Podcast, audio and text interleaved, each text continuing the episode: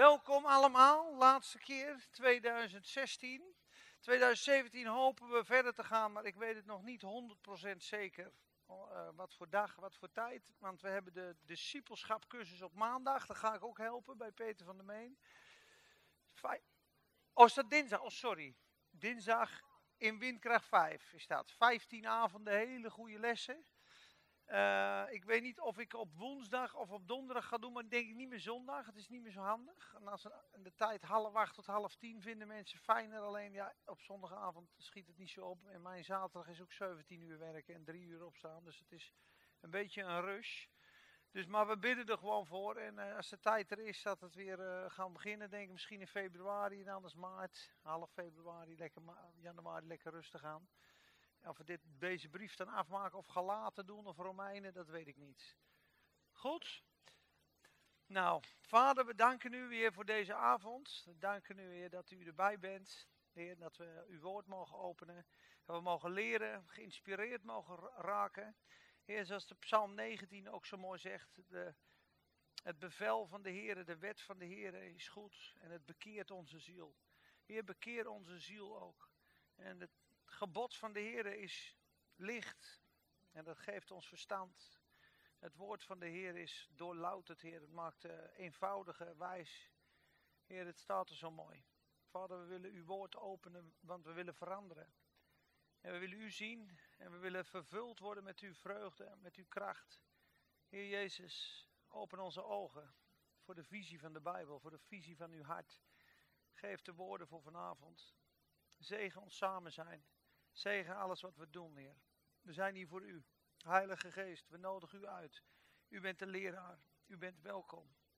Heer, we verklaren uw heerschappij in deze plaats. Hoe klein we ook zijn, hoe kleinschalig we ook zijn, Heer. We geloven dat we van alleen afhankelijk zijn van u en van uw zegen. Ja, Heer Jezus, we danken u. Amen. Amen. Uh, ik zet hem aan met zingen. We gaan twee liederen zingen. Die zijn...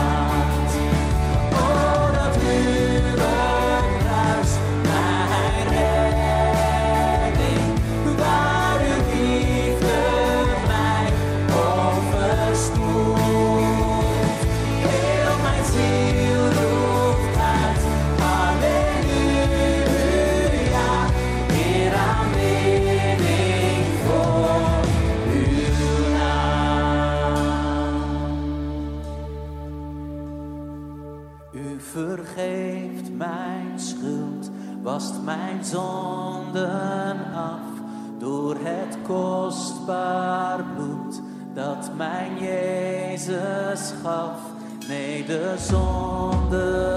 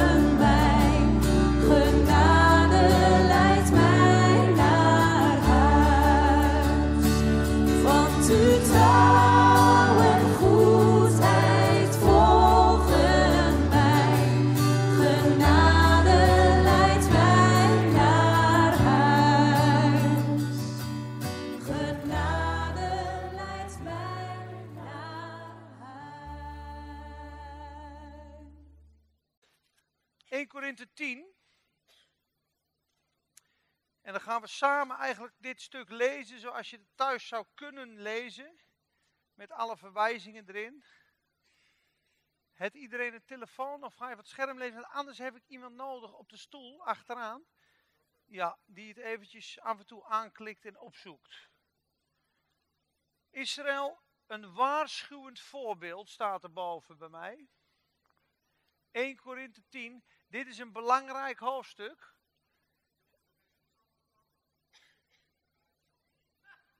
NBG 51, hoe bedoel je ene don- een beetje donker? Moet er meer licht bij? Ja? De, de basisbijbel mag ook hoor. Eh Statenvertaling is een beetje moeilijk. Doe maar basisbijbel joh, dat is goed. Dan snapt, snapt iedereen het. Eh, even kijken, zal ik die doen?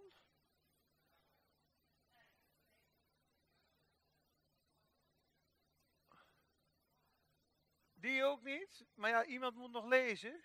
Even kijken. Die uit. Zo is het goed. Oké, zo is het goed. Nee, dit is een belangrijk hoofdstuk. Ehm, dit snijdt eigenlijk de twee visies uiteen die er zijn. En ik hoop vandaag iets te vertellen wat eigenlijk een beetje een geheim is in de christelijke wereld. Er zijn eigenlijk geen predikers vandaag de dag op tv die dit preken, wat ik vanavond ga zeggen. Ach, lieverd. Hier zal ik hem neerzetten. Ik zal je maar een stukje geschiedenis vertellen.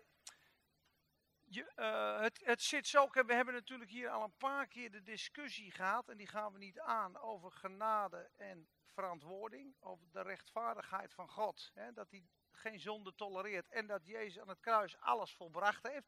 Dus je hebt het evangelie der genade Gods, het evangelie van de vrede. Daar spreekt de Bijbel over. Je moet het evangelie van de genade van God richt zich op drie dingen. Op de vergeving van zonde, op de verlossing, wat Jezus voor ons gedaan heeft, en het eeuwige leven. Is het evangelie der genade, dat horen we ook vaak. Hè?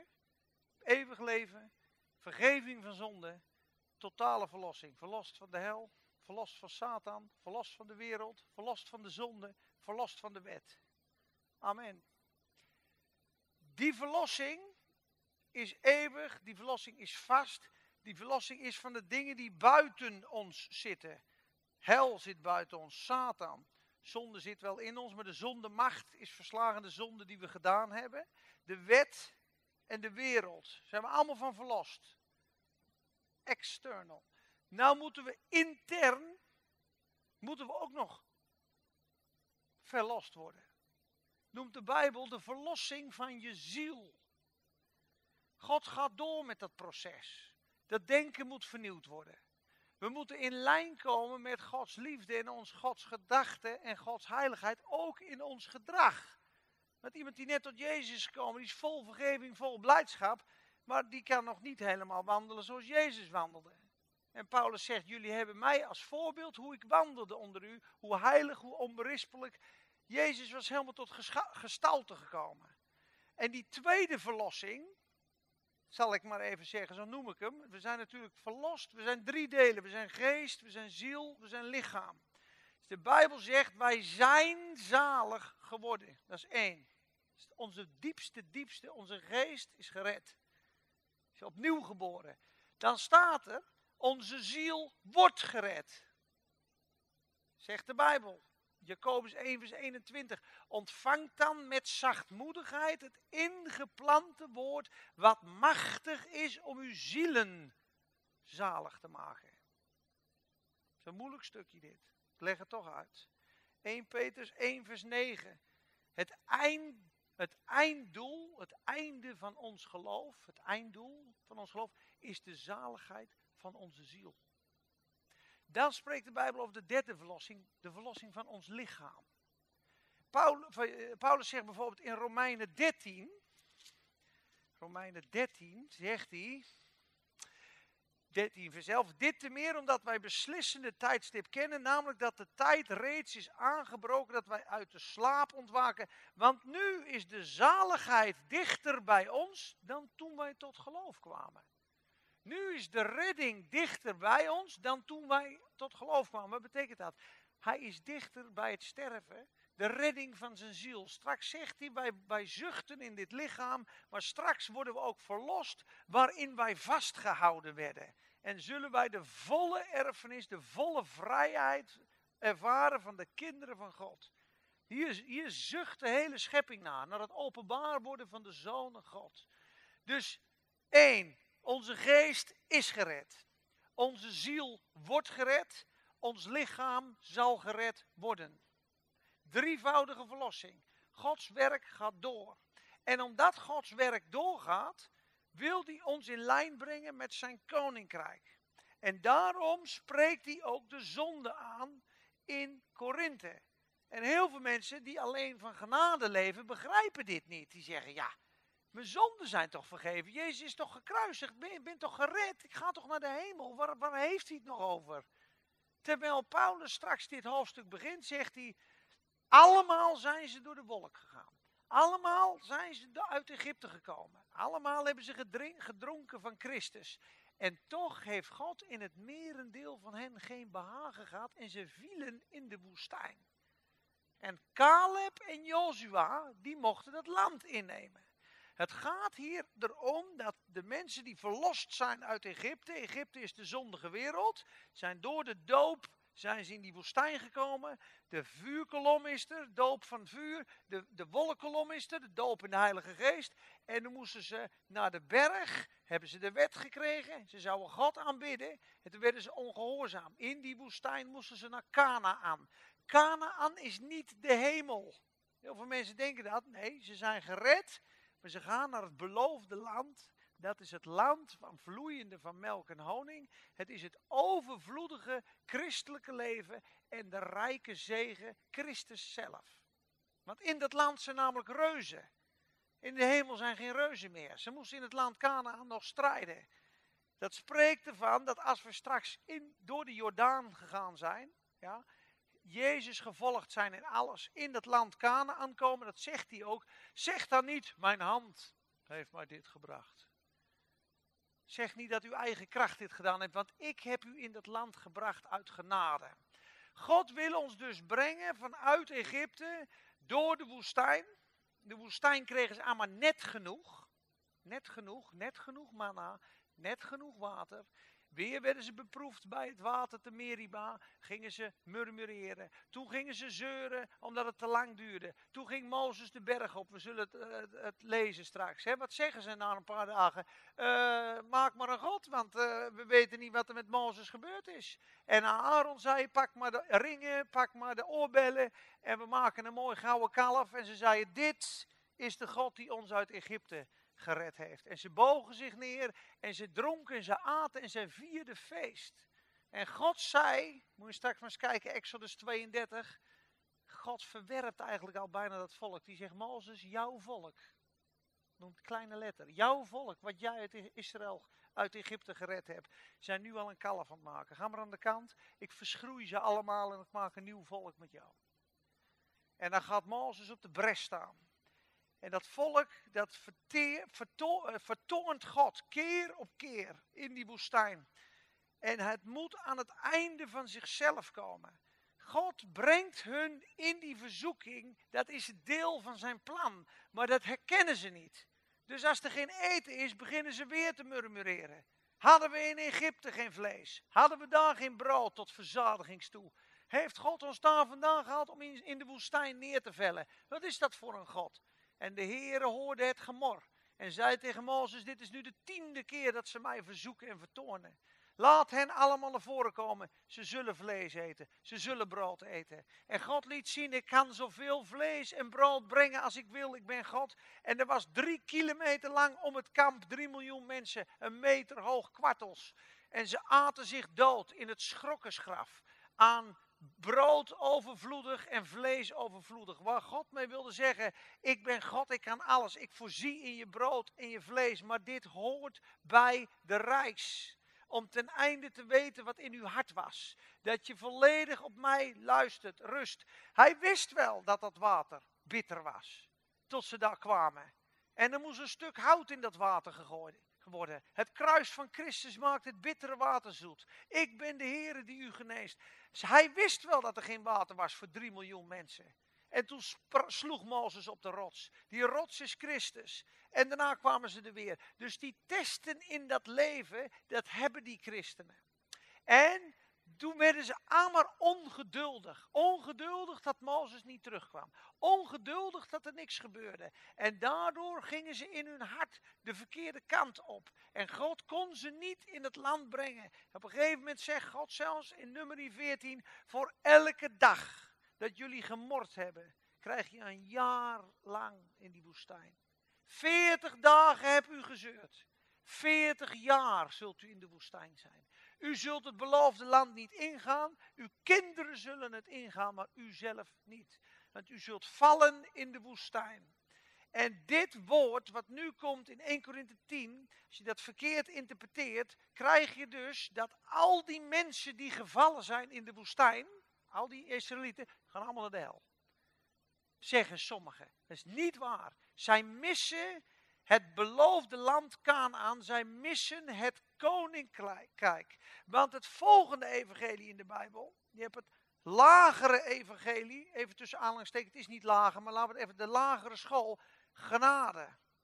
Vergeving van zonde, verlossing, eeuwig leven. Dan komt de hogere school, het evangelie van het koninkrijk der hemelen. Jezus zegt, bekeert u, het koninkrijk der hemel is nabijgekomen.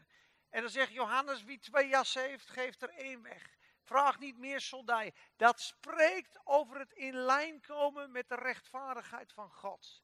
Als je in het evangelie van het koninkrijk bent, zeg je, Jezus is mijn koning. Ik word ondergeschikt aan de heerschappij van Jezus. En ik wandel als discipel, volgeling van Jezus, in dat koninkrijk van gerechtigheid. Als kind van God. En nu komt de clue. Heel veel mensen vinden die genade fantastisch en leven hun leven met God. En sommigen zeggen, die zijn net als Caleb en Joshua, ik wil het beste van God. Ik wil mij helemaal overgeven aan Jezus, want Hij is mijn koning. Hij is mijn leidsman en mijn meester. Ik wil zijn discipel zijn. En wat zegt Jezus? Indien je niet alles achter je laat, kun je mijn discipel niet zijn. Wie vader en moeder lief heeft boven mij, kan mijn discipel niet zijn. Dat is wat. Wie zijn hand aan de ploeg slaagt, slaat en achterom kijkt, is niet geschikt voor het koninkrijk. Maar moet ik eerst mijn vader begraven? Laat de doden de doden begraven. Ja, maar ik moet eerst een vrouw trouwen. De vossen hebben holen, maar de, de zoon des mensen heeft niet om zijn hoofd neer te leggen. De navolging van Jezus, daar waren er weinig te vinden. Dat is het evangelie van het koninkrijk van God. Dat koninkrijk is in contrast het beeld van Canaan. Wie tot Canaan kwam, Jozua en Caleb, ja, dat zijn degenen die God vertrouwen in alles. Ook Hebreeën 3 en Hebreeën 4 spreken hierover. En dan staat er, ziet dan toe, broeders, dat in u niet een boos hart van ongeloof is om van de levende God af te wijken, dat de belofte om in zijn rust in te gaan achterblijft. Want wij zien dat zij niet konden ingaan vanwege hun ongeloof. God zweerde in zijn toorn, zij zullen van mijn rust niet smaken. En dan gaat hij, daar lees thuis met Hebreeën 3 en 4, dan gaat hij spreken weer over dat koninkrijk. Als je dat contrast niet ziet en zegt Canaan is de hemel, dan komen er maar 3000 mensen in de hemel. Kan ik je bewijzen vanuit de Bijbel. Want er staat namelijk, Mozes is niet eens in het beloofde land. Mozes is geveld in de woestijn, wist je dat? Aaron, Mirjam. Nummer 14 vers eh, Le- let, zal ik even lezen, nummer 14, de laatste twee versen. Weet je wat daar staat? Het is heel heftig. Even kijken. Nummer 14, vers 28. 29 en 30, ja. In deze woestijn zullen uw dode lichamen vallen. Te weten allen van u die geteld zijn naar hun volledige aantal van 20 jaar oud en daarboven, u die tegen mij gemord hebt. U zult beslist niet in dat land komen waarover ik mijn hand opgeheven heb, dat ik in u daarin zou laten wonen. Behalve Caleb, de zoon van Jefune, en Jozua, de zoon van Nun. Uw kleine kinderen, van wie u zei, ze zullen tot prooi worden van de vijand. Dat was hun gedachte. Ze hadden dus ongeloof, er zullen wel weer vallen. Hen zal ik erin brengen. Zij zullen dat land dat u verworpen hebt leren kennen. Maar wat u betreft, uw dode lichamen zullen in deze woestijn vallen. Uw kinderen zullen veertig jaar in deze woestijn rondzwerven. En zij zullen uw hoererijen dragen totdat uw dode lichamen in deze woestijn vergaan. Overeenkomstig het aantal dagen dat u dat land verkend hebt, 40 dagen, kijk, voor elke dag één jaar, zult u ongerechtigheden dragen. 40 jaar lang, u zult van mij tegenstand ondervinden. Ik, de Heer, heb gesproken. Voorwaar, ik zal dit doen met heel deze boosaardige gemeenschap die tegen mij samenspant. Zij zullen in deze woestijn omkomen. En de mannen die Mozes uitgestuurd had om het land te verkennen en die teruggekeerd heel de gemeenschap tegen hem hadden doen morren door over het land een kwaad gerucht te laten uitgaan. Die mannen die over dat land een kwaad gerucht hebben uitgaan, stierven ten gevolge van een plaag voor het aangezicht de Heere, van de Heere. Maar van de mannen die vooruit gegaan waren om het land te verkennen, bleven Jozua, de zoon van Nun en Caleb in leven. Dus hij zegt hier, ze kwamen terug van het land Canaan. En ze zei, we zijn als sprinkhanen in onze ogen. En er wonen alleen maar reuzen. Het wordt helemaal niks. En met, dat, met die boodschap kwamen ze terug bij het hele volk Israël. Het wordt helemaal niks. Het wordt helemaal niks. Oh, er wordt niks. En Caleb en Jozua, die zeiden, wij zullen het voorzeker in kunnen nemen. Want God is met ons. En er staat, zij waren van een andere geest. In Caleb en Jozua was een andere geest. Degene die vandaag de dag zal wandelen als Caleb en Jozua, zijn niet degenen die naar de hemel gaan. Daar gaan ze wel. Maar dat zijn degenen die het land Canaan beërven. Die het koninkrijk van God beërven straks. En God, het koninkrijk van God is voor die christenen die Jezus nagevolgd zijn in alles. En als je dat begrijpt, begrijp je 1 Korinthe 10 en dan snap je, er is een evangelie die praat over de verantwoording en het gezag wat Jezus heeft in ons leven. En er is een evangelie dat ons vrijgekocht heeft van de zonde en ons een kind van God gemaakt heeft. Is het een beetje duidelijk? Want anders krijg je namelijk dat alle mensen die vielen in de woestijn, zijn de mensen die niet naar de hemel gaan. Maar dat is niet waar. Want dat volk is uit Egypte gered, maar het is nog steeds een maarschuw. Laten we het maar gaan lezen. Dit, is, dit moet je weten als je 1 Korinthe 10 begint. Want anders raak je in de war. We hebben namelijk 1 Korinthe 1 gehad. Dat dat, dat, dat volk, die, die Corinthiërs, daar was het allemaal niet goed mee. En dan praat Paulus alleen maar over het kruis en over de vergeving en over de genade. En we zijn volmaakt. En in hoofdstuk 3 hebben al gezien dat hij zich op dat gedrag van hun begint aan te spreken. Hoofdstuk 4, hoofdstuk 5 is de hoererij. Hoofdstuk 6 liepen ze bij de rechtbank. Hoofdstuk 7 was over het huwelijk. Hoofdstuk 8 was een hoofdstuk over afgoderij. En nu komen we bij hoofdstuk 10. En ik wil niet, broeders, dat u er geen weet van hebt dat onze vaderen allen onder de wolk waren. En allen door de zee zijn gegaan. En dat allen in Mozes gedoopt zijn, in de wolk en in de zee.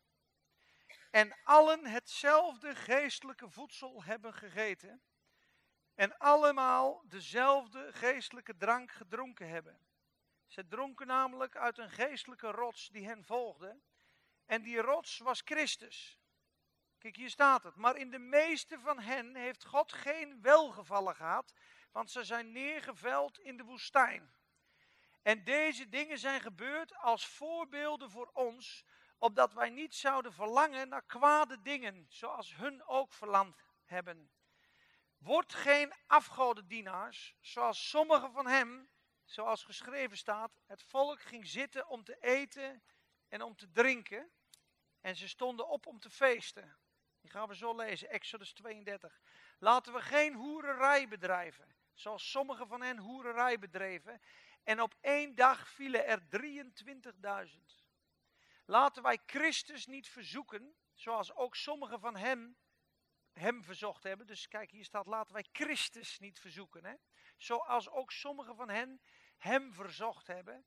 En van de slangen omgekomen zijn, vurige slangen. Mor niet, zoals ook sommigen van hen gemord hebben en omgekomen zijn door de verderver. Al deze dingen nu zijn hun overkomen als voorbeelden voor ons. En ze zijn beschreven tot waarschuwing voor ons over wie het einde van de eeuwen gekomen is. Daarom, wie denkt te staan, laat hij oppassen dat hij niet valt. Meer dan een menselijke verzoeking is u niet overkomen. En God is getrouw. Hij zal niet toelaten dat u verzocht wordt boven wat u aankunt. Maar hij zal met de verzoeking ook de uitkomst geven om die te kunnen doorstaan. Dan gaan we heel even een paar versen lezen uit hoofdstuk 9, als dat kan. Eén pijltje terug. Ja, en dan vers 24. Let op, want dit is in context met dit gedeelte. Paulus is een kind van God, dat snapt iedereen. Let op wat hij zegt. Weet u niet dat zij die in de renbaan lopen, een race, alleen wel lopen, maar dat slechts één de prijs ontvangt?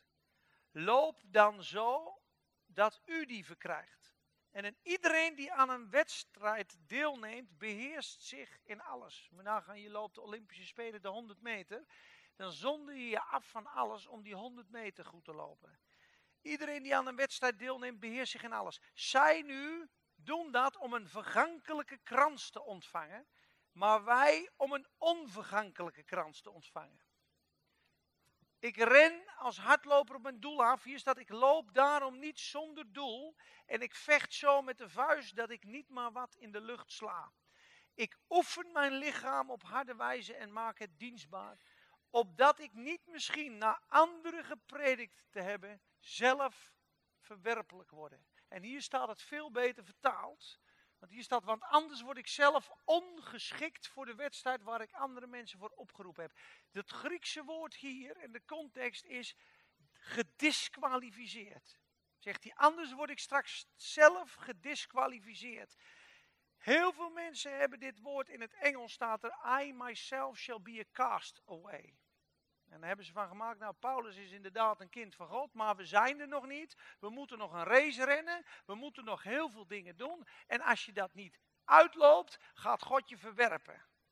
Dat is, dat is een leer, die gaat veelal rond. Dat is niet waar.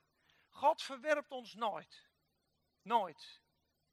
Maar God gaat ons wel tuchtigen en oordelen hoe wij de race gelopen hebben. Hoe we gesproken hebben, hoe we gehandeld hebben met onze broeder, hoe we zijn koninkrijk met een zuiver hart uitgewandeld hebben. Je kan niet met een onzuiver hart, met een mond vol roddelen, de naam van de Heer Jezus uitdragen. Er komt smet op zijn naam. En de naam van God wordt gezuiverd. Zelfs zijn vriend Mozes, waarmee hij van aangezicht tot aangezicht sprak, mocht het beloofde land niet in. En waarom?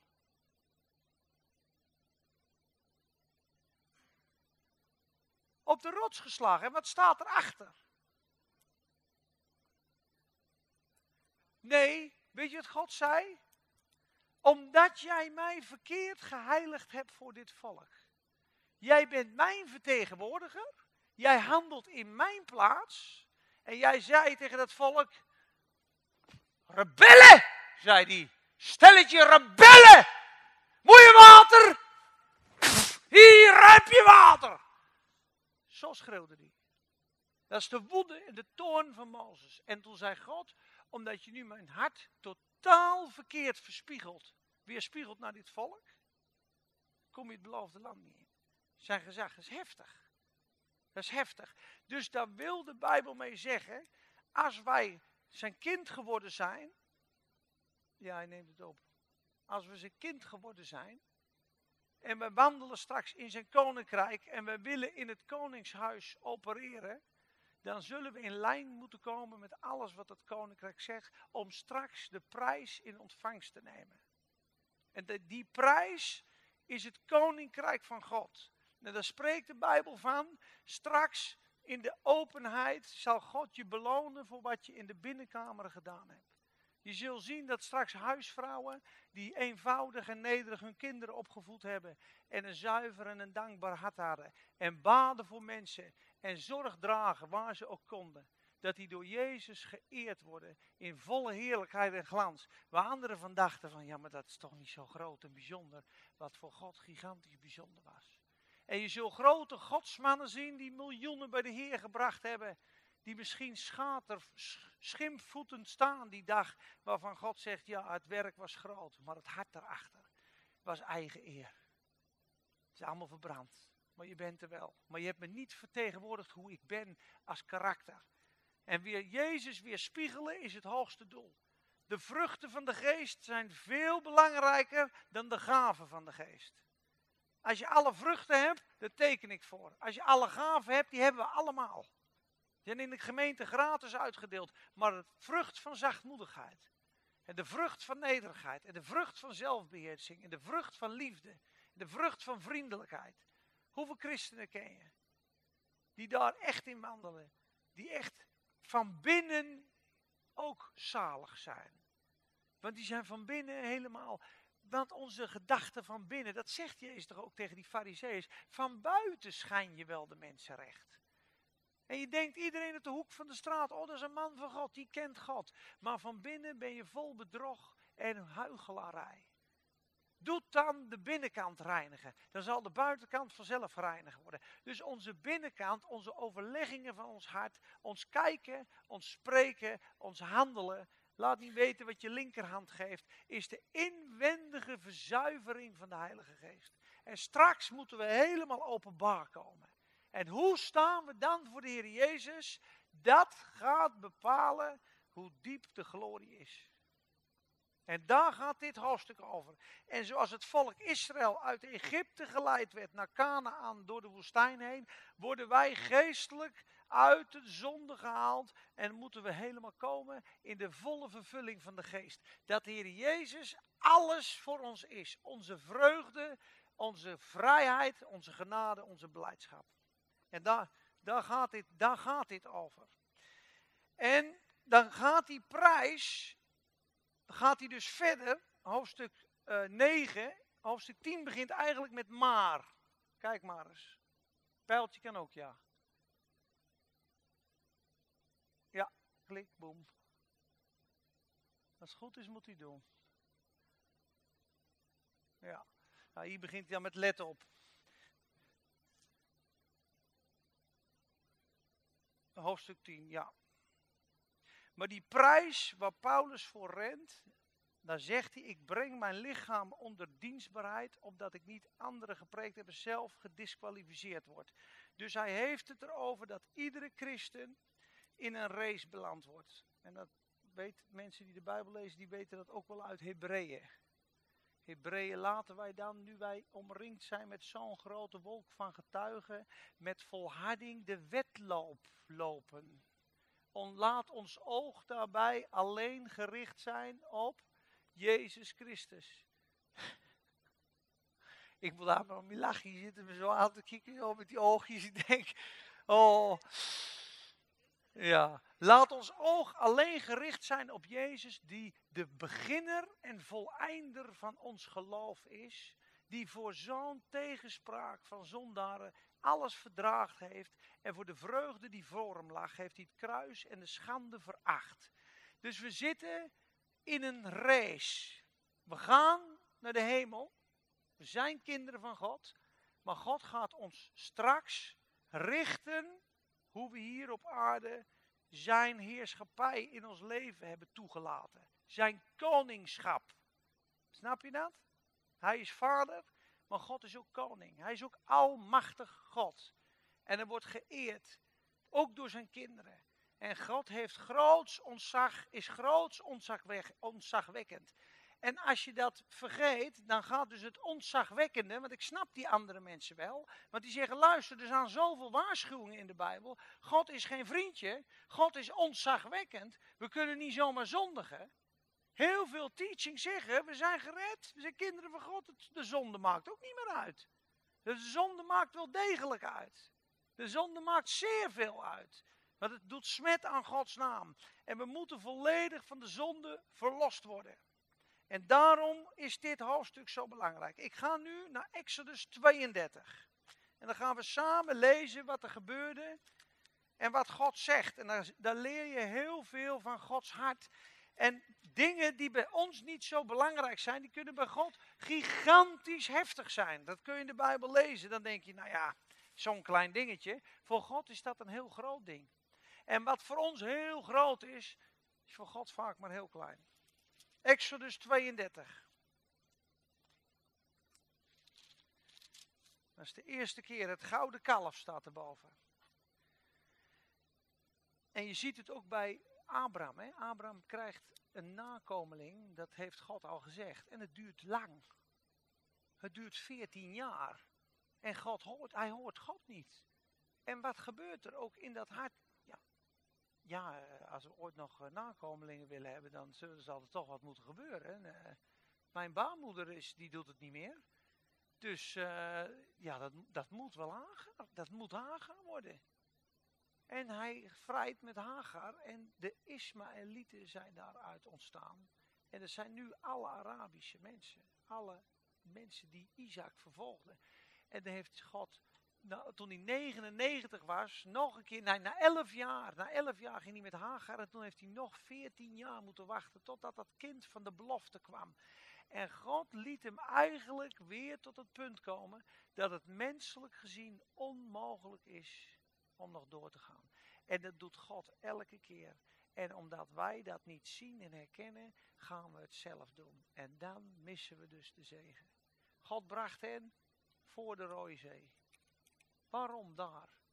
Iedereen zei, nu komt de farao eraan. Nu hebben we echt een probleem. En God maakte de zee open. Niemand laat waterstroom uit de rots dan God. Hier is het wederom het geval.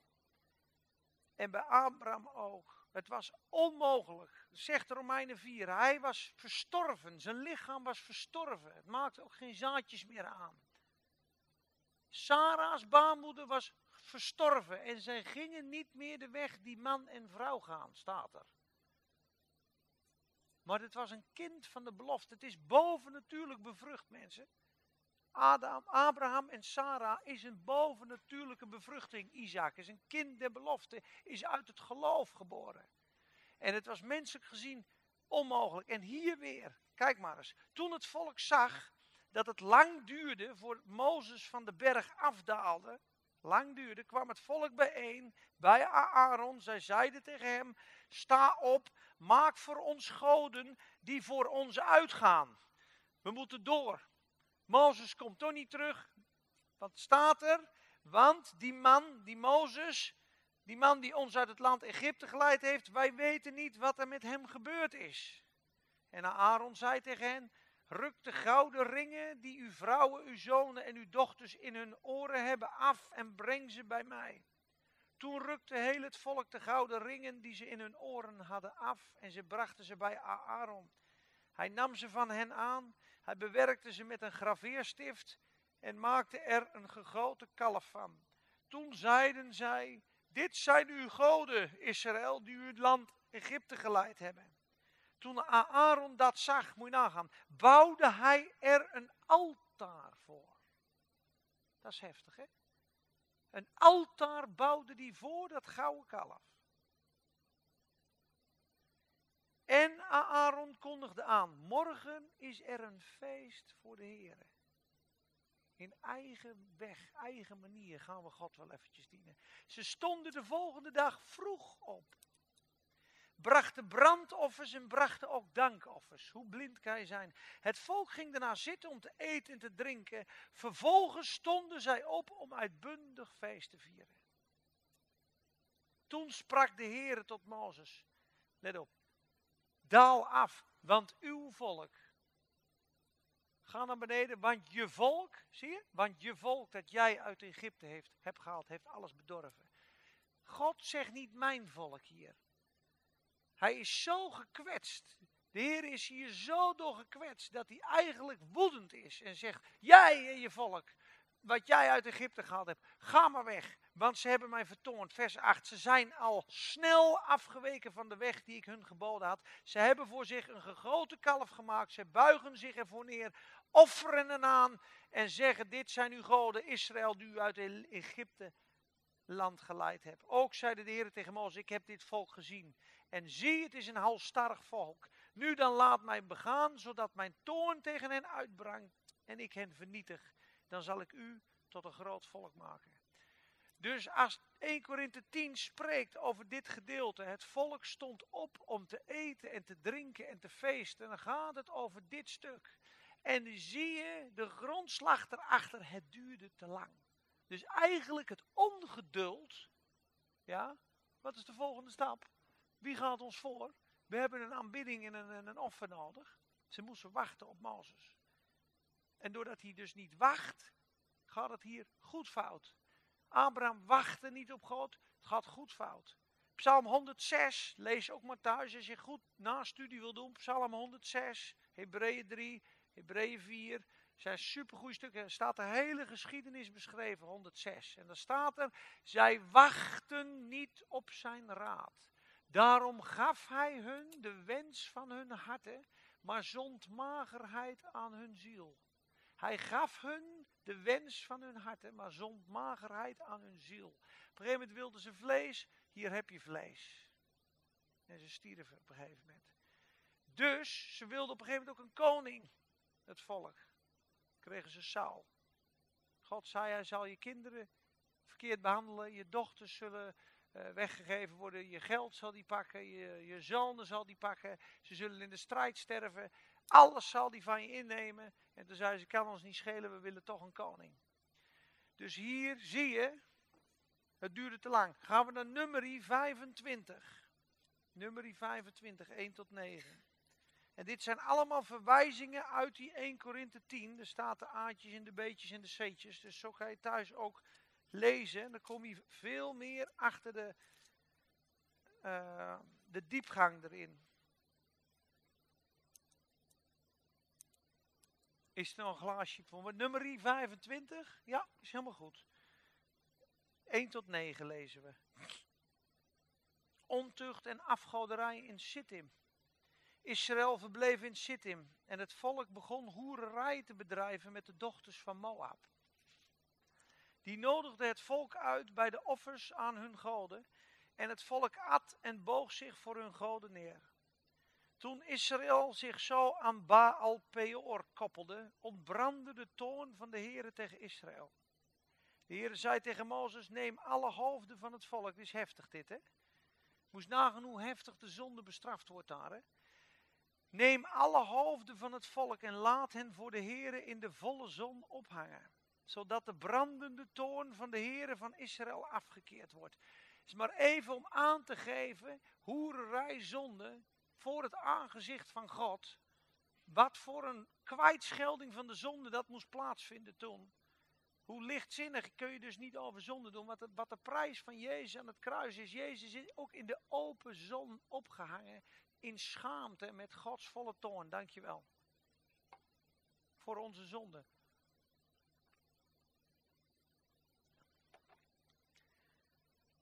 Toen zei Mozes tegen de rechters van Israël: Ieder moet zijn mannen doden die zich aan Baal Peor gekoppeld hebben. Moet je nagaan, nu gaat het nog verder. En zie, een man uit de Israëlieten kwam en bracht een Midianitische vrouw bij zijn broeders. Voor de ogen van Mozes en voor de ogen van heel de gemeenschap van de Israëlieten. Terwijl zij huilden bij de ingang van de tent van ontmoeting. Toen Pinaas, de zoon van Eleazar, de zoon van de priester Aaron, dat zag, stond hij op uit het midden van de gemeenschap, nam een speer in zijn hand, ging achter de Israëlitische man aan, het slaapvertrek in en doorstak hen beiden, zowel de Israëlitische man als de vrouw door hun buik. Toen werd de plaag over de Israëlieten tot stilstand gebracht. Het aantal van hen die aan de plaag stierven was 24.000. Nou, dat is, daar kun je een lange discussie over houden. Paulus zegt 23.000. Het Oude Testament zegt 24.000. Laat het 23.500 geweest zijn. Maar dit stuk, dat haalt hij aan. En dan zegt hij, al deze dingen nu zijn hun overkomen als voorbeelden voor ons. En ze zijn beschreven tot waarschuwing voor ons over wie het einde van de eeuwen gekomen is. Al die mensen die die hoererij zonde deden. Dus leef je nou in zonde, leef je nou in boosheid. Dan is het hetzelfde zoals de Israëlieten vielen in de woestijn. Zo zul je dan tussen Egypte en tussen Canaan blijven steken. Ook in je geestelijk leven. Eigenlijk sterf je dan geestelijk. En raak je de weg van God kwijt. Snap je dat? Daarom zegt Paulus toch ook, ik heb het geloof behouden. Ik heb de strijd gestreden. Voor mij ligt thans klaar de kroon der gerechtigheid. Een kroon spreekt over koningschap. Dat is door de hele Bijbel heen. Volharding en kroon. Hij zegt in openbaring 3 vers 11. Houd wat u hebt. Houd vast aan wat u hebt en wat ik gesproken heb. Opdat niemand uw kroon nemen. Dat is de machtige grote zegen die minimaal duizend jaar duurt. Dus je moet nagaan, straks krijg je het nieuwe Jeruzalem en het hemelse koninkrijk, het duizendjarige millennium. En in die duizend jaar zullen er dus mensen zo gezegend worden door God in alle openheid en eer, dat ze duizend jaar met God regeren over de aarde als koningen, omdat ze zo zuiver en recht voor God gestaan hebben. Dat is absoluut de Bijbel. Dit wordt bijna nergens uitgelegd. Dit leert Watchman Nee, de Chinees, heb ik gelukkig mogen ontdekken, want ik was altijd hierover in de war. Want God houdt van mij, Hij is mijn vader. Nou, we lezen, uh, in Hem zijn we uh, door God aanvaard. Nou, ik ben toch aanvaard? En hier staat er, Hij heeft in het merendeel geen welbehagen gehad. Waar had Hij dan geen welbehagen in? Niet in zijn volk of in hun handel en hun wandel. Dus wij kunnen van onze kinderen houden en we hebben een welbehagen in onze kinderen. Maar onze kinderen kunnen zo wandelen dat we er geen welbehagen in hebben. Dat heeft niks met hun kindschap te maken. Natuurlijk blijf je mijn kind. Ik hou ontzettend veel van je. Maar je gebruikt drugs. Dat doet me ontzettend veel verdriet. Of je hebt succesvolle kinderen. We hebben vijf kinderen. De ene is advocaat, de andere is journalist, de andere heeft zijn eigen bedrijf. Ze zijn allemaal succesvol. Maar onderling hebben ze ruzie. Ze praten nooit meer met elkaar. Dat is voor een ouder ook verschrikkelijk. Ze komen bij mijn mama op bezoek. Ja, alles gaat goed. Kinderen, hier, oh ja. Ik ben gezegend, ik heb een fijne man. Maar je hebt ruzie met je broeder. We kunnen natuurlijk wel zeggen, ik ben gezegend door God, ik ben vergeven. Maar als je natuurlijk slaande ruzie hebt met een andere christen. En dat niet oplost. En straks voor de Heer Jezus verschijnt. Denk je dat de Heer Jezus dan zegt, hé, hey, alles goed? Dat wordt in het licht gebracht. Dat moet de Heer in het licht brengen. Want het hele koninkrijk is gebaseerd op rechtvaardigheid en licht. Daarom moeten we zuiver van Hem gevonden te worden. Dat heeft niets te maken dat we zijn kind niet zijn. Dat is gewoon, wij zijn zijn dienaren ook. We zijn zijn kind, we zijn zijn bruidegom, maar we zijn ook dienaren van de Allerhoogste Koning. En Jezus zegt ook, zoals een slaaf van het veld afkomt en voor zijn meester eten en drinken maakt.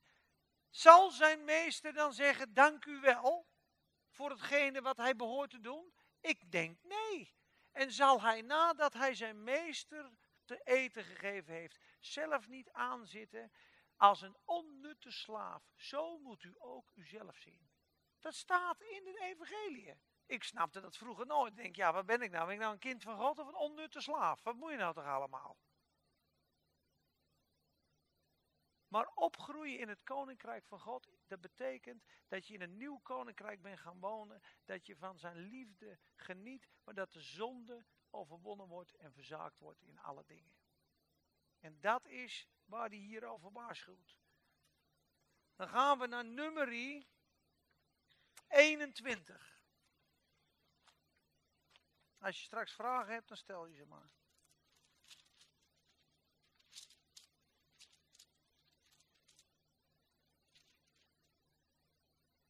De koperen slang.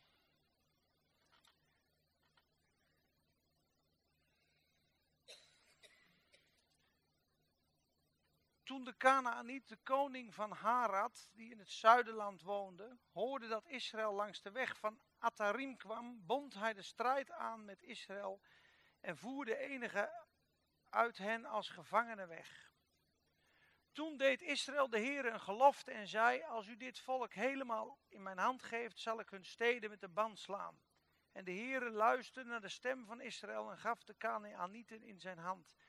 Hij sloeg hen en hun steden met de ban en hij gaf die plaats de naam Horma. Toen trokken zij van de berg Hor in de richting van de Schelfzee.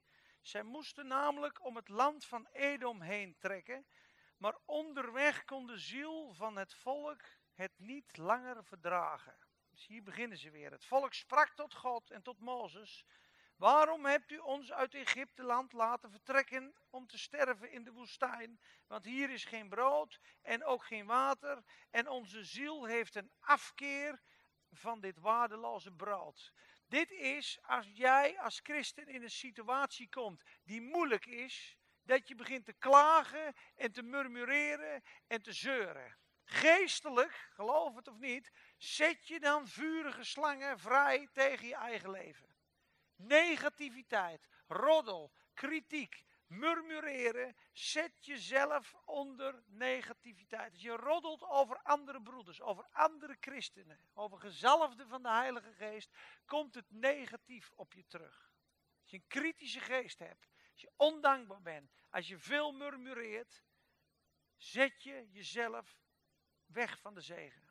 In Jona staat dat. Zij die letten op, wat staat er nou? Het goed vertalen. They that observe lying vanities. Lege ijdelheden verzaken hun eigen barmhartigheid. Dus Satan gaat rond als een briesende leeuw, die wil ons laten verslinden. Die wil zeggen, God is boos. Het komt niet meer goed. Het komt ook niet meer goed. Dan ben je dus net als de tien verspieders die terugkomen.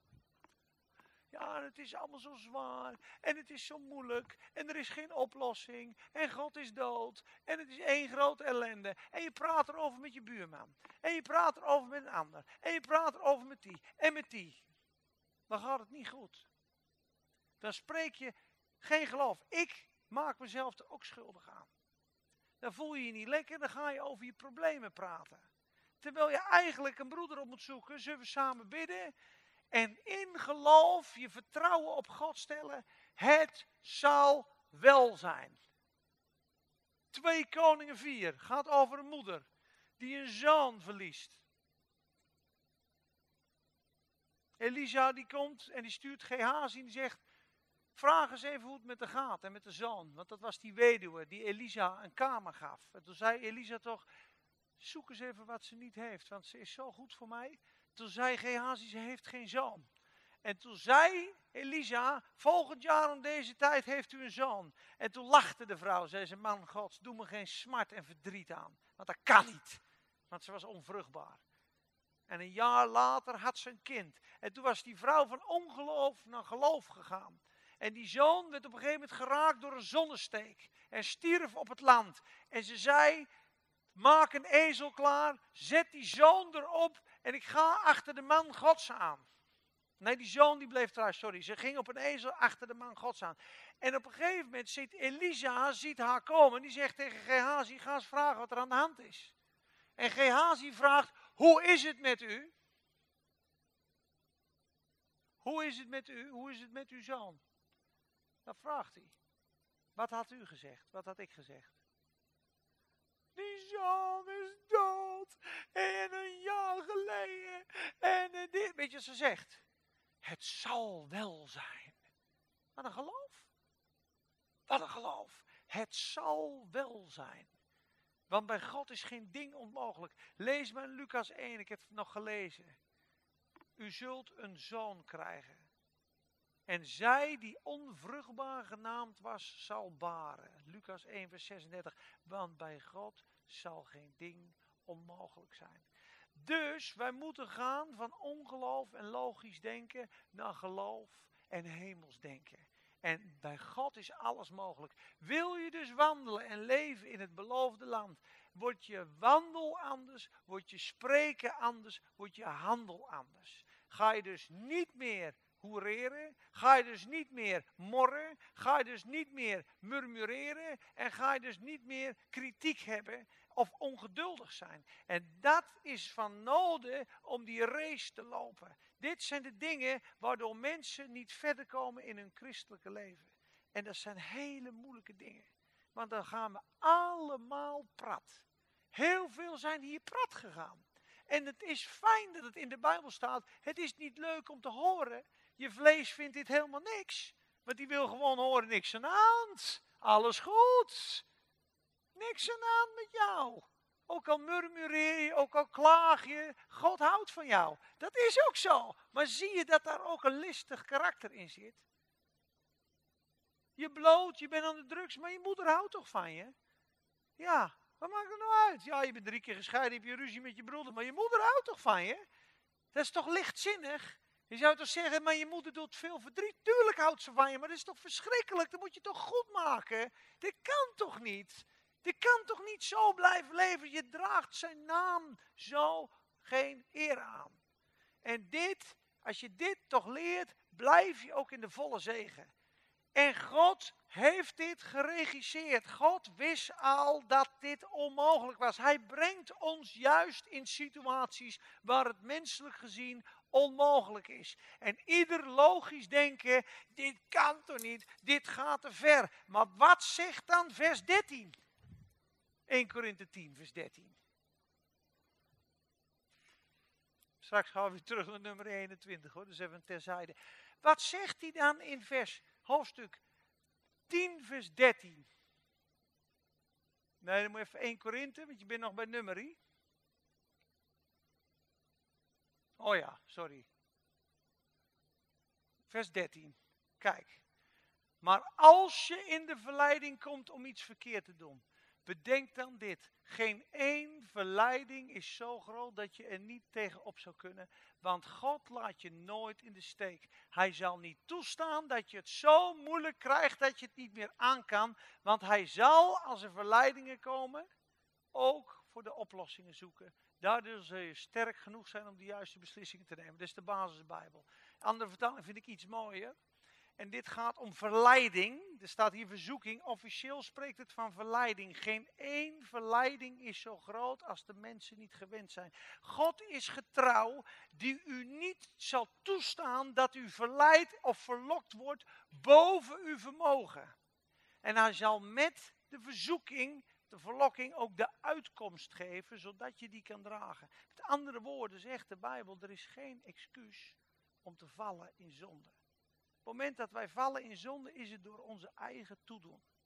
Door onze eigen ongehoorzaamheid en afkerigheid. Dan zijn we natuurlijk zwak als mensen en hebben we een leerschool dat je mag leren. Het is dus onzin om volmaakt eh, zonder zonde te leven. Daar, daar praten we niet over. Want je mag dingen leren. Als kind van God mag je leren praten, leren dankbaar zijn. Maar er zijn ook situaties in het leven, daar is genade genoeg om de zonde te overwinnen. Maar is het door ons eigen toedoen dat we vallen. En dat zegt dit stuk. Ook als er een verzoeking is dat je zegt, ja dit is te veel, dit kan ik niet dragen. Kun je eigenlijk naar deze tekst gaan en zeggen, hé, God geeft mij nooit meer dan ik aan kan. Als je dat al zegt, God geeft je nooit meer dan je aan kan. Hij zal dat niet toestaan. Daarom staat hij is getrouw. Die niet zal toestaan dat u boven vermogen verzocht wordt. Dus God is trouw, hij kent je. Dit schaap kan maar dat aan, meer zal er niet op je pad komen. En hij zal met de verzoeking de uitkomst geven. God, er is altijd uitkomst bij God, zodat u het kan dragen. Dat is mooi, hè? Dat is weer een ontzettende bemoediging in dit hoofdstuk. 1 Korinthe 9 is Paulus die vertelt van zijn overwinningen en hoe hij wandelt in dat koninkrijk. Hoe hij zijn lichaam onderhevig brengt aan de zonde, of aan de gerechtigheid en de zonde overwint. Dat is het positieve aspect. Dit, 1 Korinthe 10, is het negatieve aspect van wat er allemaal fout is gegaan. En dat zijn waarschuwingen. Dus alles wat er met het volk Israël gebeurd is, zijn waarschuwingen voor ons. Goed? En je snapt zelf wel, als wij gered zijn uit genade door het bloed van de Heer Jezus, dat het natuurlijk onzin is om te zeggen, luister, als je niet stopt met roddelen, als je niet stopt met kritisch zijn, ga je naar de hel. Dat kan natuurlijk niet, want dan zouden we dus met onze handel en wandel de hemel of de hel kunnen verdienen. Het is absoluut uit genade. Maar er zijn zat predikingen die zeggen, ja dat klopt wel dat, dat de Heer Jezus voor je gestorven is, maar als je zo en zo en zo niet, dan ga je alsnog. En daarom ben ik er soms zo heftig en zo fel op. Omdat het mensen echt kapot maakt. Maar dan kom je onder doodsangst te leven. Dat kan natuurlijk niet. Je moet vrijmoedig voor God, voor zijn aangezicht kunnen komen. Hij is je vader. Het is bij hem veilig. Maar vader zal je ook zeggen, luister, de tijd is nu gekomen om dit gedeelte te overwinnen. Want nu gaan we praten als een koningskind. Nu gaan we handelen als een koningskind. Want straks ga ik je mijn kracht geven. En mijn grote macht. En er komt verantwoording bij kijken. Moet je eens nagaan, Gree, dat je straks in het duizendjarige rijk van God zoveel gezag krijgt. Over de aarde gaat oordelen. Dat je engelen gaat oordelen. En dat alles wat je zegt vol is met de lading en de kracht van God. De scheppende kracht van God dan moet het wel door een kanaal zijn wat aangesloten is op Gods liefde, waarvan grede niet meer is en waarvan het alleen maar is, oh, de Heere behagen. Dat is het enige wat ik wil. En ik zal hem loven en prijzen en danken en zuiver van hart zijn. Vanmorgen nog in de preek. Wie zal opgaan tot de berg van de Heere? Hij die zuivere handen heeft en een rein hart, die zijn hart niet opheft tot ijdelheid, nog bedriegelijk zweert. Dus die is ontrouw. God wil een trouw iemand om die race te lopen. Dan gaan we nog even naar nummer 21 en dan doen we straks eh, nog een paar vragen en dan eh, een lekker bakje. Goed? Dus de gifslangen. Onze een, eh, nummer 21 vers 5 nog even. Dankjewel vriend.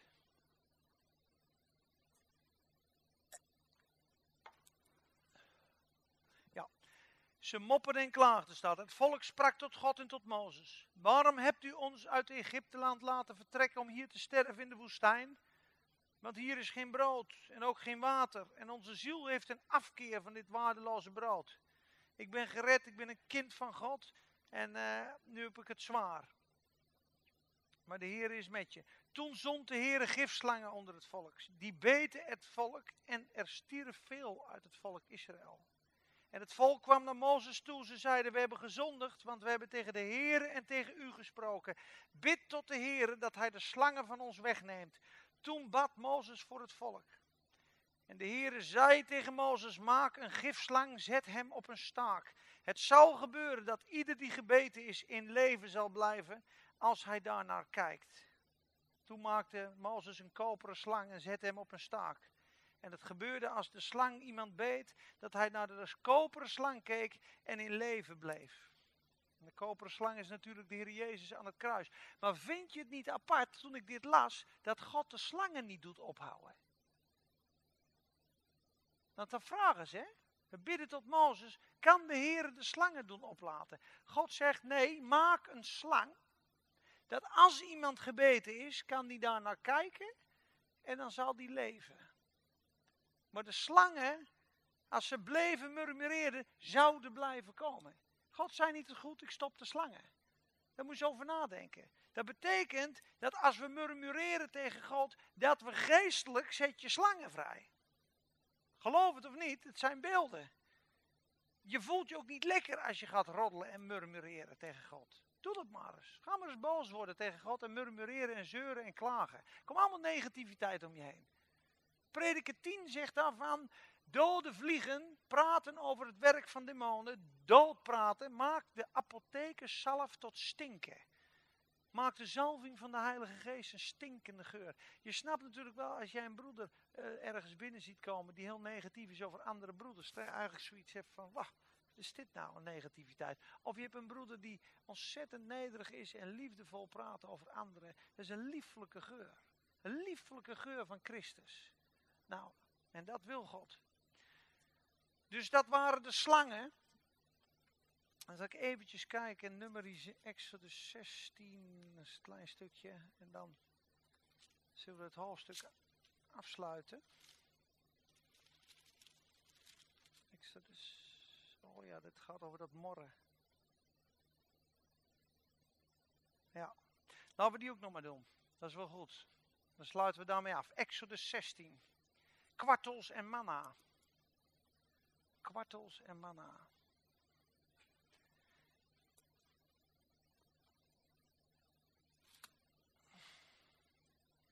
Kijk, ik zei het je vorige keer al, 1 Korinthe 10 is een van de pittigste hoofdstukken hoor, van het Nieuwe Testament. En dat is Nieuw Testamentisch, hè, dit.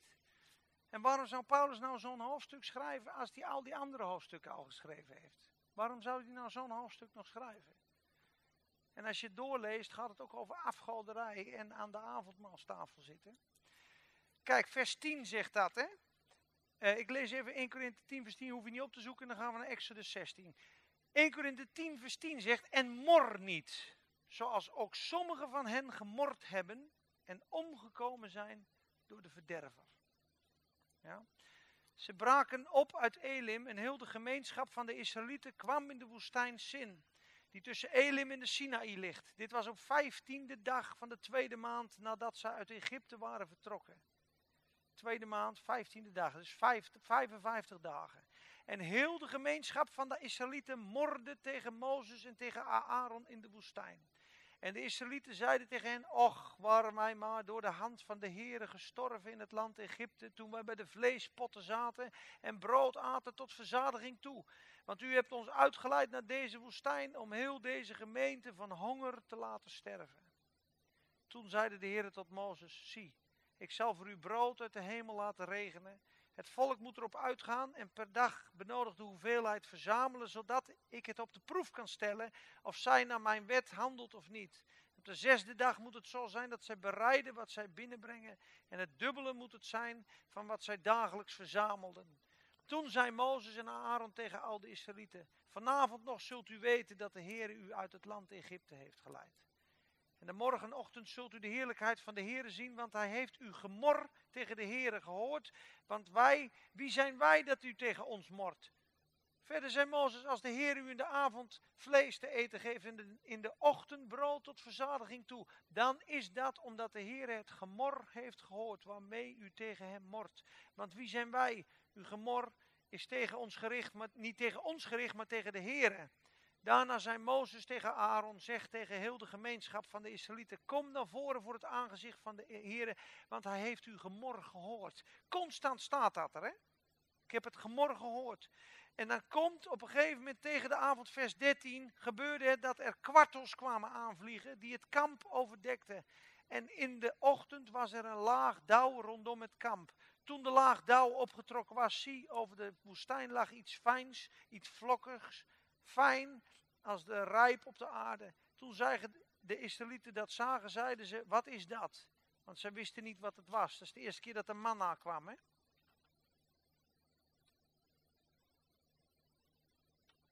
En dan daarna komen de kwartels. Maar je moet het zelf maar lezen in de oude geschiedenis. Op een gegeven moment zegt God, het is nu de tiende keer. Op een gegeven moment is hij hart gesteld dat de Heere wil ons doden. De Heere is tegen ons. Omdat ze niet herkennen dat wat ze uit Egypte gehaald heeft, moet je goed opletten. Wij zijn uit Egypte gehaald. Nu moest Egypte nog uit hun gehaald worden. Dat is het. Wij zijn uit de zonde gehaald. Nu moet de zonde nog uit ons gehaald worden. Wij gaan naar de hemel, maar God wil dat op aarde ook de hemel in ons komt. En dat stukje zonde, wat oude natuur, dat oude leven, moet sterven en het nieuwe leven moet erin komen. En daarom brengt God ons in moeilijke situaties. En dan komt boven wat erin zit.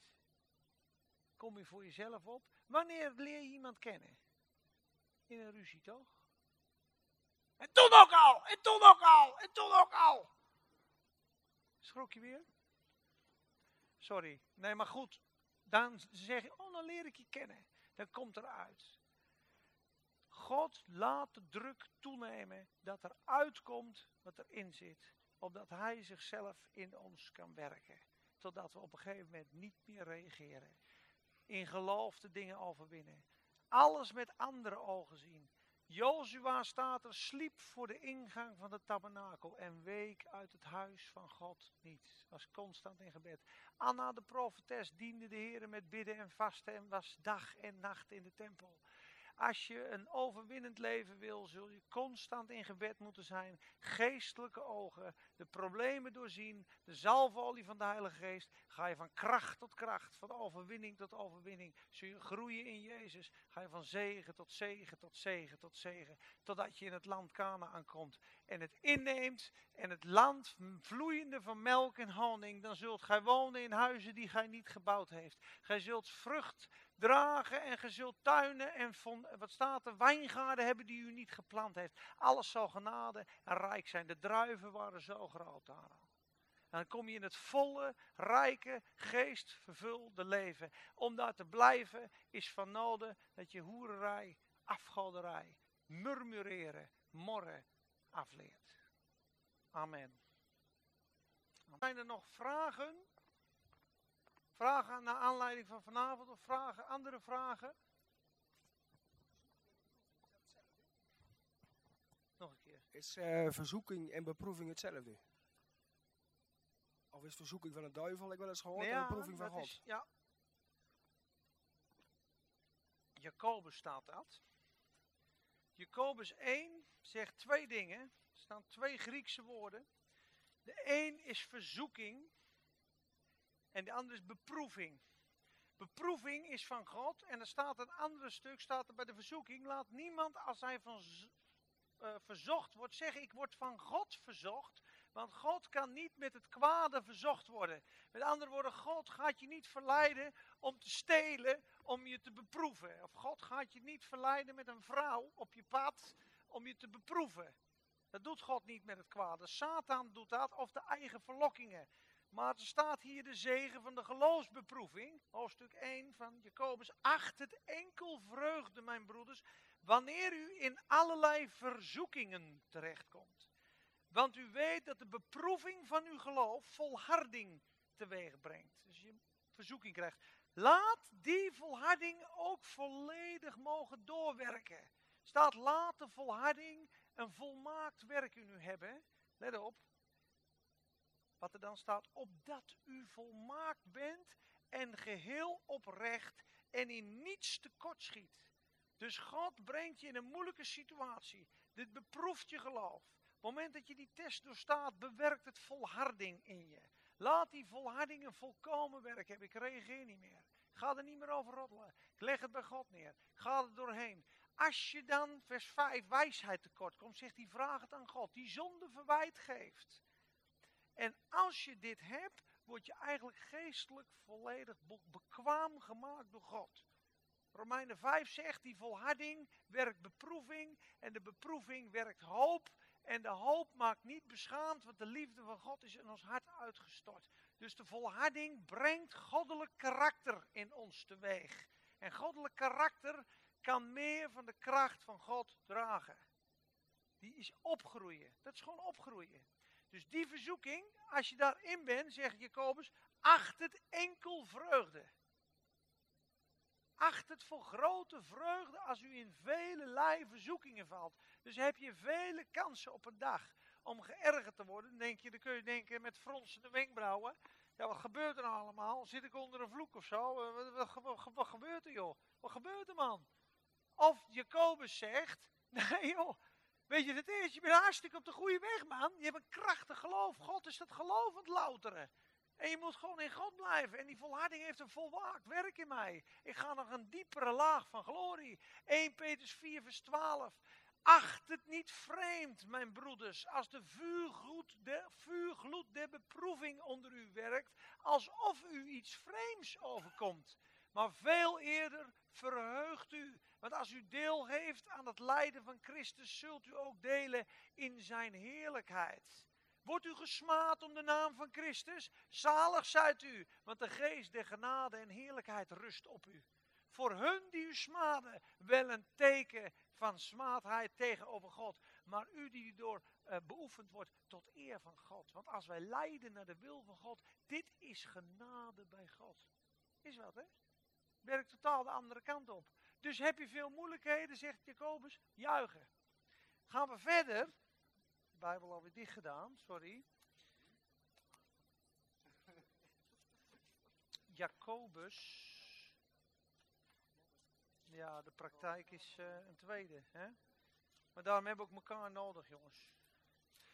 Het tweede is, vers 6 gaat hij verder, laat hij er wel in geloof om vragen, daarbij niet twijfelen. Immers wie twijfelt is als een golf op de zee die door de wind voortgestuwd wordt, heen en weer geworpen. Want zo iemand moet niet denken dat hij iets ontvangen zal van de Heer. Hij is een dubbelhartig man. Iemand die twee harten heeft. Een dubbelhartig man is ongestadig in al zijn wegen. Maar laat de broeder die nederig is zich beroemen op zijn hoge staat en de rijke op zijn nederige staat. Want hij zal als een bloem in het gras voorbij gaan, want de zon is opgegaan met haar hitte en heeft het gras doen verdorren. Ook is zijn bloem afgevallen. Dan komt hij. Zalig is de man die verzoeking dus eerst zegt hij hier, noemt hij weer verzoeking, maar hier staat eigenlijk verleiding. En de eerste staat beproeving.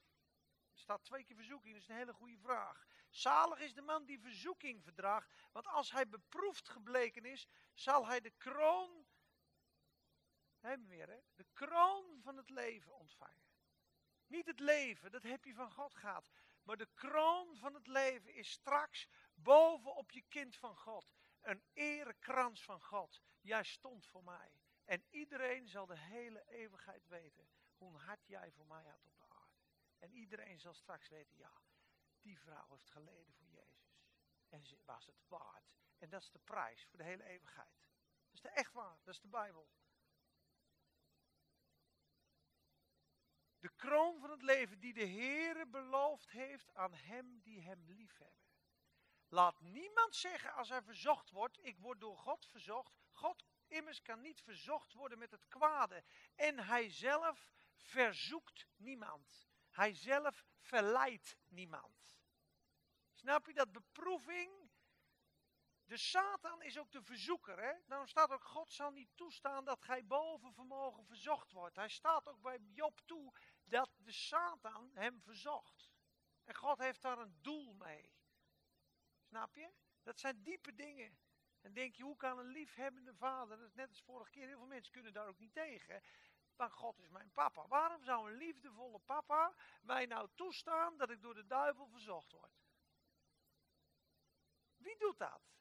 Dat is moeilijk. Maar het zegt, zegt, de Bijbel. Richter 3 vers 1. De Heere deed vijanden achterblijven voor degenen die nog niet getest waren. Opdat zij ook zouden leren wat de strijd inhoudt. Als je nooit een battle hebt, word je niet powerful hè. Het is makkelijk hè, boven op de berg. Halleluja. Maar wat als alles tegen zit? Jeremia 12. Zult gij alleen vertrouwen in een land van vrede? Wat zult gij dan doen als de Jordaan zich straks omkeert? Jeremia loopt ook te klagen. Jeremia was ook, ach heer, ik ben depressief. En dan zegt God, ga staan op je voeten. Gij wandelt nu met mensen, straks gaat gij met paarden rennen.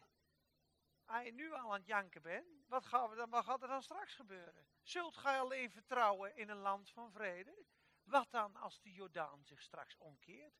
Dus in de storm wordt ons geloof beproefd. Zonder stormen wordt ons geloof niet beproefd.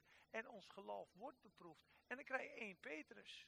Zegt hij weer, verheugt u als u in vele verzoekingen valt. Dit is de beproeving van uw geloof. Misschien bent u nu zwaarmoedig voor een tijd, omdat, omdat het nodig is, uw geloof beproefd mag worden. Maar straks zult u zich verheugen met een onuitsprekelijke vreugde. Dus dit hoort erbij. En dat willen veel mensen ook niet horen.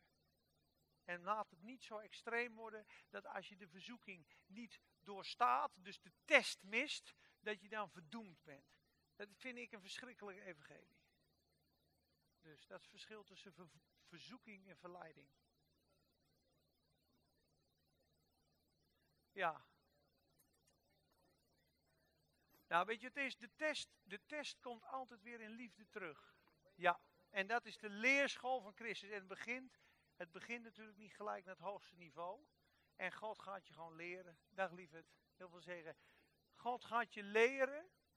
En als jij dan echt hardnekkig en koppig en koppig en koppig en koppig bent, ja, dan komt er op een gegeven moment ook tuchtiging en kastijding aan, de, aan te pas. Maar God is zo liefdevol en geduldig dat dat langzaam gaat. En ook van stap tot stap. Je krijgt niet gelijk test 12. Maar hoe verder je met God bent, ja, hoe groter de verantwoording wordt. Dus ga ik nou eens als spreker, als ieder oog op mij gericht is, bepaalde dingen zeggen op een verjaardag, of als pasgeboren christen, ja, dat, dat snapt iedereen wel. Ja, die is net tot de Heer, die praat nog een beetje, die vloekt nog elke drie zinnen, ja, die komt uit de wereld, houdt van Jezus. Maar op een gegeven moment wordt het natuurlijk zwaarder en zwaarder en zwaarder. En krijg je ontzettend veel verantwoording. En gaat God ook wat korter erop zitten. Daarom zegt Hebreeën 12, hij doet aan child training, discipline. Maar het doet op een gegeven moment volwassen zonen worden gegezeld. Ga jij op een gegeven moment echt boos blijven op een broeder, nou dan weet de Heer je te vinden. En als je roemt in je vlees, helemaal een probleem. Dat heb ik gedaan. Dat, moet je, dat moet je voor Gods aangezicht vooral doen. Roemen in je eigen vlees. Nou, dan word je echt geschoffeld. Dan word je echt geschoffeld. Dat, dat, dat weegt zo zwaar bij de Heer. De eer van de Heer pakken en roemen in je eigen vlees. Dat is, dat is funest. Oké? Maar God is genadig en geduldig. Laten we bidden. Laat de microfoon lekker doorgegeven worden. En wie er een gebed heeft, die eh, spreekt een gebed uit. Een dankgebed. En als je niks wil zeggen, dan geef hem gewoon door. Yo, yo, yo. ja, ja, ja, jij, mag, jij mag beginnen. Dankjewel mensen. Almachtige God en Vader, schepper van hemel en aarde. Dank voor deze fijne avond, dat we uw woord weer mochten horen. Dat ons hart weer, eh, ja, dat we weer gevuld mogen worden deze avond. Dank voor de woorden, voor de wijsheid die u heeft gegeven aan eh, Peter. Dat u ons zo eh, deze week sterken, o Jezus. Dat u ons bemoedigen en bekrachtigen. Dit ik in de naam van Jezus. Amen.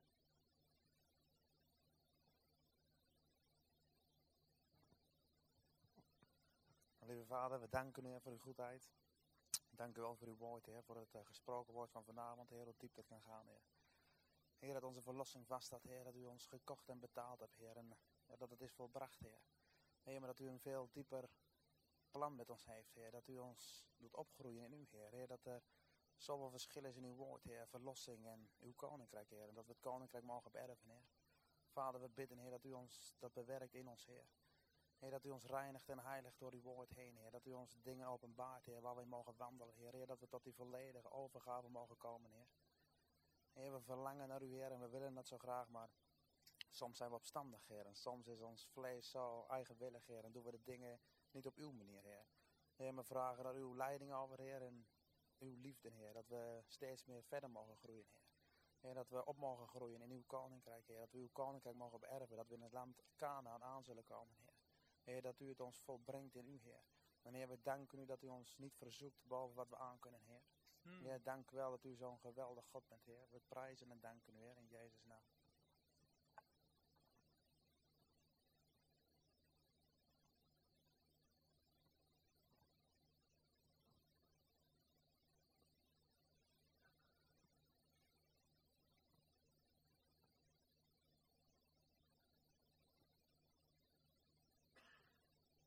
Soms heb je dagen waarop je denkt, heb ik wel tijd om te gaan?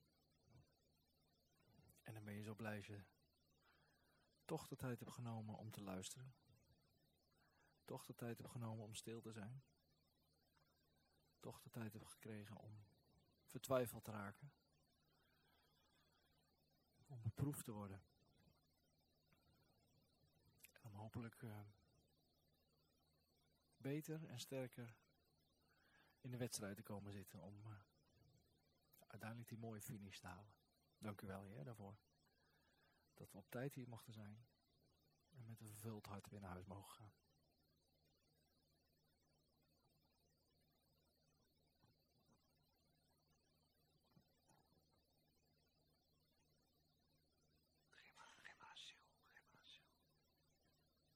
Geef maar, deur, geef maar Sil. Dan kan Sil hem deur geven.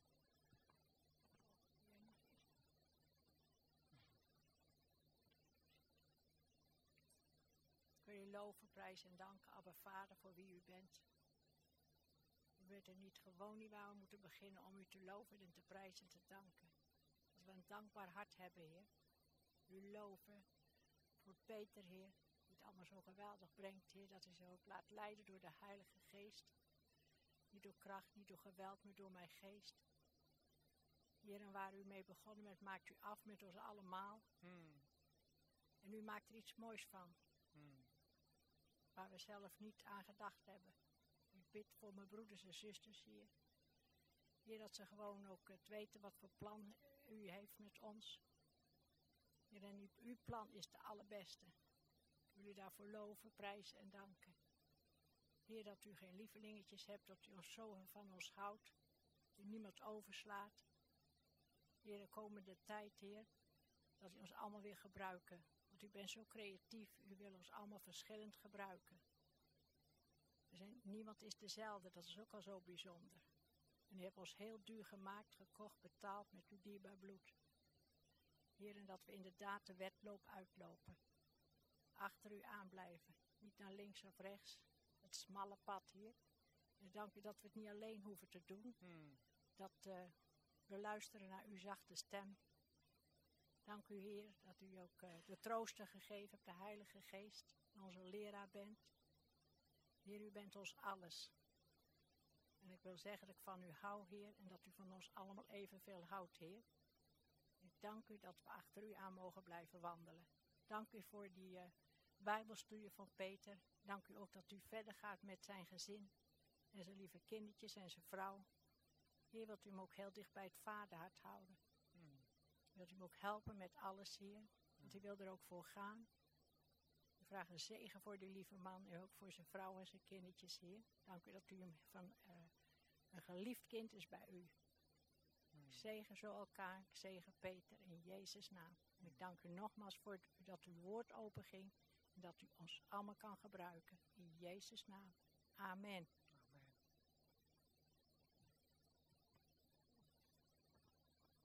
Moeten jullie niet eh, die kant op? Moet die? Vader, dank u wel dat u ons hier eh, bijeen hebt gebracht, Vader, want u heeft dat gedaan. Dank u daarvoor. Heer, ik dank u voor alle woorden die Peter gesproken heeft. U heeft, eh, ja, dat, u heeft door hem heen gesproken, Vader. En ik vraag of het eh, mag landen in ons hart, Vader, dat we ja, net zo mogen worden als u bent, Heer. Want ja, we komen nog zoveel tekort, Heer, en we kunnen het niet alleen. Vader, ik dank u daarvoor. Wil ook de komende week met ons zijn. Ook als we naar het werk gaan. Heer, wilt u ons leiden en dat we ook ja, uw woord uit mogen spreken om ons heen, Vader. Dat ze aan ons mogen zien, eh, ja, Dat we samenleven met u. Heer, wil ons zo leiden. Dit vraag ik in Jezus' naam.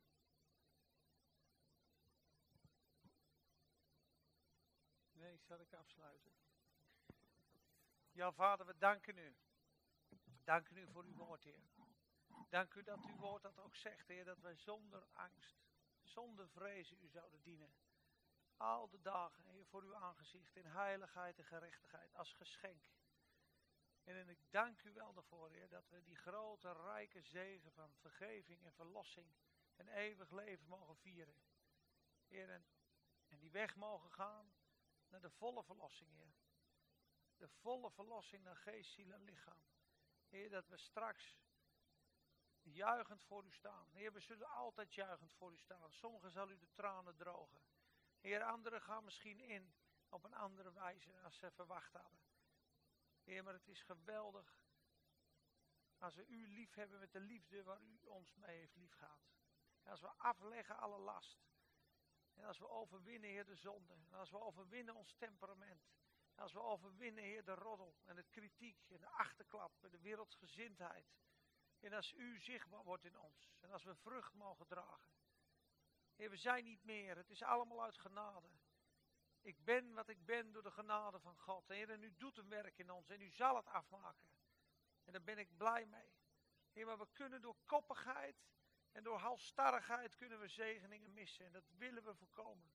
En u wil zo graag, Heer, meer geven. U bent een ge levengevende God. Een levengevende geest. U heeft u alles gegeven. Heer, open onze harten. Open onze ogen. Verlicht ons hart. Ontsluier ons hart. Geef dat we waakzaam en liefdevol en rein mogen zijn en blijven in deze wereld. Heer, ons hart neigt soms naar verkeerde dingen. Richt en stuur het, Heer. Overweldig het, Heer, met uw genade, met uw troost, Heer. Heer, omhels ons van binnen, Heer. Geef ons wijsheid en hemelse visie. Geef het plan ontdekt te mogen worden wat in uw hart was, Heer. Geef ons tot, tot bezinning te mogen komen, Heer. Tot ontwaking te mogen komen. Heer, geef dat wij dansend en lovend en prijzend en vruchtdragend in deze tijd mogen zijn, Heer. Ook al is er moeite, Heer, dat we zullen re reageren in geloof. Ook al is er een situatie wat geduld vereist, Heer. Dat we op U zullen blijven zien, Heer. En geen eigen wegen. Heer, want hoe religieus zag het eruit? Een gouden kalf. We gaan een feest vieren. We gaan een altaar bouwen. We gaan loven en prijzen en, feest vieren. Dit is onze God. Heer, en wilt u ons ervan weerhouden dat we afgoden hebben in ons leven. Heer, dat we kerkjes spelen, dat we het op onze manier doen. Dat we uw naam vertrappen en ons eigen koninkrijk oprichten, Heer. Oh, wat een gevaar.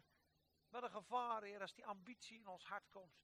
Ja, als we de beste willen zijn, de mooiste. Als dat oude leven zich met een geestelijke saus voordoet. Akelig, Heer. Verlos ons daarvan. Laat het niet groeien, Heer. En geef dat we eensgezind en onder elkaar hecht aan gesmeed mogen zijn. Geef opwekking in Spakenburg. Geef opwekking in onze harten. Richt bidders op. Richt aanbidders op. Richt mensen op, heren. Breng mensen bijeen, meer en meer. We roepen hen die in duisternis zitten, in ketenen gebonden, omdat zij rebelleren tegen het woord van God. Heer, wij bidden dat zij u aan zullen roepen en dat u uw woord zal zenden tot genezing. Dat ze zullen zeggen, Oh, laten we de Heer loven om zijn barmhartigheid en zijn goedheid en zijn werk aan de mensen, kinderen. Heer, we roepen hen die bedroefd zijn en neerslachtig en zonder, zonder moed zijn, hopeloos, verdwaald, verstrikt en in verwarring. Heer, dat ze de lering aan zullen nemen, dat ze licht zullen zien. Heer, ook in deze kerstdag, Heer, dat u een schijnend licht voor hen bent. Heer, dat u hen losrukt uit de banden van duisternis, depressie en ellende en leegte. Vader, geef dat ons hart gevoelig wordt voor de noden van die mensen. Heer, en breng hen thuis. Breng velen thuis. Richt ons, Heer. Heer, en overweldig ons. Bescherm onze gezinnen. Vul ons met uw genade. Breng ons dieper op de berg. Breng ons dieper in uw tegenwoordigheid. Breng ons dichter bij het kruis. Vader, dat wij vol vrede en vol vreugde en vol kracht zijn. Heer Jezus, dank u wel dat u het doet. Dank u dat u ons wast. Dank u dat u ons bewaart. Heer, we bidden ook een zegen over de samenkomst als ze door mogen gaan. Dat het zo geschieden zoals u wil. In de naam van Jezus. Amen.